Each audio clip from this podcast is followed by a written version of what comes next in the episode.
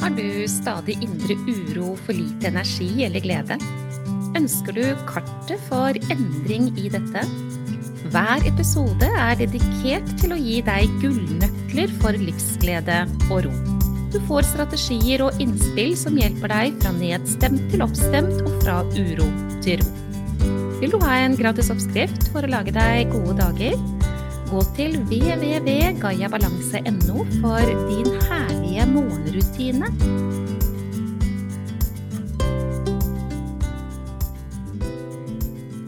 I denne episoden så har jeg veldig lyst til å sette fingeren på noe som er superviktig.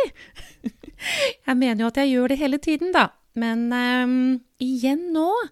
Og det handler om det å leve ut fra frykt istedenfor å leve ut fra f.eks. tillit. Det å leve ut fra frykt istedenfor det å f.eks. leve ut fra aksept.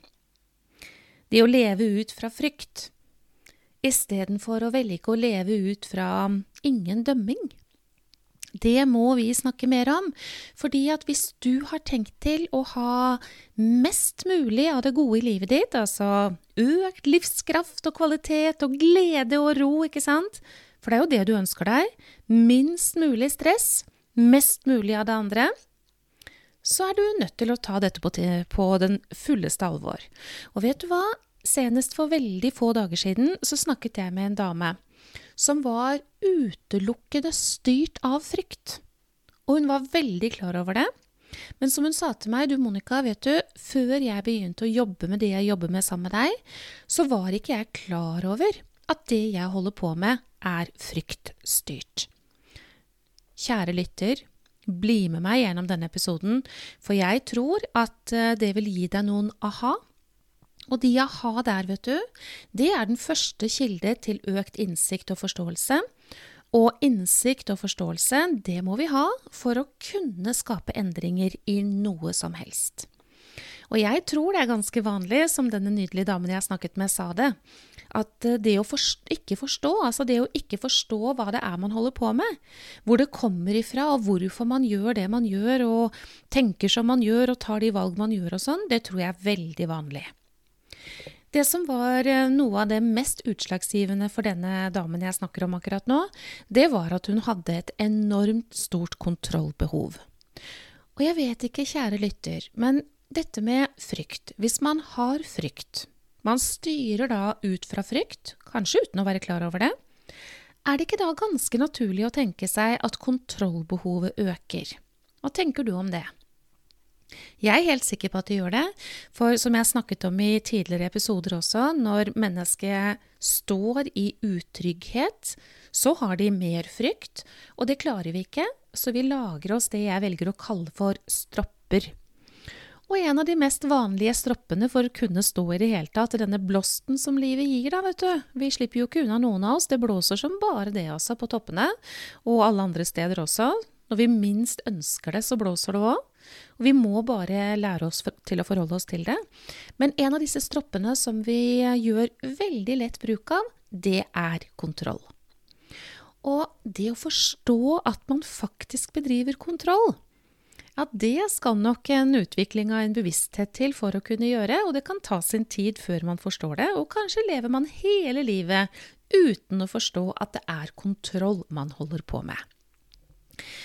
Et eksempel. Hvis man da er mamma til barn, og det skjer noen ting med det barnet, vet du, så vil man naturligvis gjøre alt hva man kan for at dette barnet skal ha det best mulig. Men det kan jo være f.eks. Nå bare tar jeg noe ut av det løse lufta her mens jeg snakker med deg akkurat nå. Men hvis f.eks. dette barnet da vil ha utfordringer med å gå på skolen, f.eks., så vil man jo da prøve å tilrettelegge for dette. Og man får da gehør i skolesystemet, ikke sant, og man får hjelp, og man legger til rette, og man legger til rette. Men denne kontrollen som man faktisk bruker da, er man sikker på at det gjør noe med årsaken til problemet som har oppstått?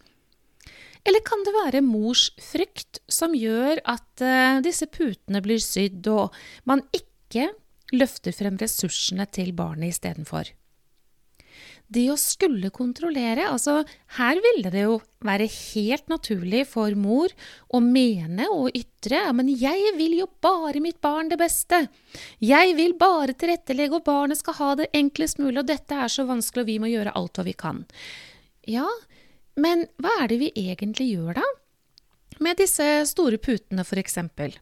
Det å skulle ha en finger med i spillet i alt hva som foregår, sier vi ikke da uten å si det at vet du hva, kjære barn, jeg har ikke tillit til at du kommer til å klare å håndtere det her, jeg. Ja. Så jeg skal bare nå passe på at du faller mykt, ikke sant, og at du er så godt polstret at du ikke får det noe vanskelig i dette i det hele tatt. Hvem er det som eier frykten, og hva er det som skjer? Jo, det blir et bruk av kontroll. Og jeg tror ikke det er så lett å se den der. Men eh, det er nødvendig å gjøre det, da, f.eks. i et slikt tilfelle. Dette med å skulle kontrollere, det er mye, mye videre og større enn eh, de fleste av oss klarer å se. Og jeg har opp igjennom tidene i møte med svært mange mennesker hørt dette behovet for kontroll. Det skal se slik ut, det skal være på den måten. Ingen skal tro at jeg ikke gjør alt mulig jeg bare kan.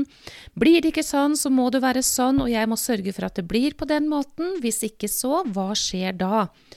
Jo, det er jo frykten det er jo frykten for hva det er som kan skje dersom ikke det blir på den måten man går rundt og tror da, at er den beste. Og ja, intensjonen er nydelig, vet du. Det er jo ikke det at intensjonen ikke er god, snarere tvert om, intensjonen er kjempegod. Det bare spørs om det kommer ifra frykt, og ikke ifra tillit. For eksempel tillit til egne ressurser. Det kommer ikke kanskje fra det å ikke dømme. Det kommer kanskje ikke fra det å velge å akseptere situasjonen og forsøke å finne gode løsninger som løfter frem menneskers ressurser, istedenfor å sørge for at de ikke slår seg. Bare for å holde tak i den metaforen jeg brukte. Kontroll. Det er noe som mange mennesker tenker på som um, Altså, det skal være lett å se. Det skal være lett å forstå at det er kontroll som bedrives. Men eh, min erfaring er at det er det ikke, og at vi er nødt til å gå litt på jakt etter dette med kontroll. Et eksempel til hvis et menneske er redd for å bli avslørt som ikke god nok, fordi mennesket selv ikke har en god selvfølelse, som vi også har snakket om tidligere, så vil man jo ikke stå trygt i at jeg er god nok. For eksempel, jeg kan ikke bare gjøre så godt jeg kan, for det kan jo fort bli ikke bra nok, ikke sant? Så hvis man da eier dette, så vil man kanskje også være stående i Tenk om de andre tenker det samme om meg, som jeg tenker om meg selv. Og det må ikke skje, fordi det vil skape noen ubehagelige følelser som man ikke tror, ikke har tillit til, at man kan håndtere. Og hva er det man fort holder på med da? Jo, da skal man jo kontrollere ditt og kontrollere datt. Blant annet så må man jo kontrollere hvordan man sitter, hvordan man går, hvordan man står, hva man sier, hvilke tonefall man har, hvor blikket er hen. Høres ikke det fryktelig slitsomt ut, egentlig? Jeg blir sliten bare jeg sa det akkurat nå. Det går ikke, det der, altså. Da kontrollerer man jo den masken man har på seg, ikke sant, på alle mulige måter. Men hvor er man plassert hen da? Da er man jo plassert i frykt. Og man er milevis unna der man ville fått mye mer glede hvis man sto plassert. I tillit, i aksept og ingen dømming. I tillit til at det blir som det skal, og jeg er god nok, og jeg har de ressursene som skal til, så her har du meg. Ja, står man ikke der, så vil man per garanti ha massevis av kontrollbruk. Og de kommer til uttrykk på ulike måter, og som jeg sier det gjentatte ganger, det er ikke så lett å se. Men eh, det vi er nødt til å gjøre, det er å begynne å øke bevisstheten vår på dette her. Og så må vi ville vei, finne veien til der det gjør mulig å by på noe annet. Og ja, den enkleste måten å tenke på dette på, sånn som jeg ser det i hvert fall, det er at ok, vi må ut av frykt, og så må vi inn i vårt eget hjerte. Fordi det er noe som heter at hjertet, det bare slår og slår. Det er alltid tilstedeværende. Det dømmer ikke. Når du skremmer deg selv, har frykt, så vil hjertet slå fortere, for det er jo en del av stressaktiviteten i fysiologien vår. Men eh, ut fra en litt videre tankegang så rommer også hjertet, da, dette gode, denne kjærligheten, som absolutt trenger å være ubetinget. Og den veien, kjære lytter, ja, den er vi nødt til å finne. Vi er helt nødt til det, og heldigvis så er det mulig. Men det starter med en bevissthet om Oi sann, jeg lever livet mitt ut fra frykt. Eller redsel. Sånn kan det være. Eh, redsel og frykt, ja, en liten, liten forskjell på det, men dog, det er eh, høyst styrende hvis vi ikke gjør dette her på en annen måte. Jeg har laget en gave til deg, vet ikke om du har tatt den imot eh, til nå, men den får du på www.gayabalanse.no. Din herlige morgenrutine heter den gaven. Og vet du, hvis du bruker den, så begynner du å jobbe med det som skal til for at frykten kan reduseres. Og det er en nødvendighet. Så selveste fundamentet for videre arbeid i deg ligger i den gaven, din herlige morgenrutine. Og så håper jeg at denne episoden her gjorde det veldig tydelig for deg at det kan være lurt å gå på jakt etter hvordan du driver og kontrollerer. Og innspillet fra meg til deg, det er at det er ikke alltid så lett å se det. Så vi må lete litt, og så må vi lære oss det som skal til for å finne veien til hjertet. Fordi frykt kan ikke bestå dersom tillit råder. Frykt kan ikke bestå dersom ingen dømming finner sted. Frykt kan ikke forstå dersom man velger aksept. Dette er så viktig! Veldig, veldig, veldig, veldig viktig, kjære deg. Jeg håper at du tar dette på alvor fordi du er uendelig verdifull.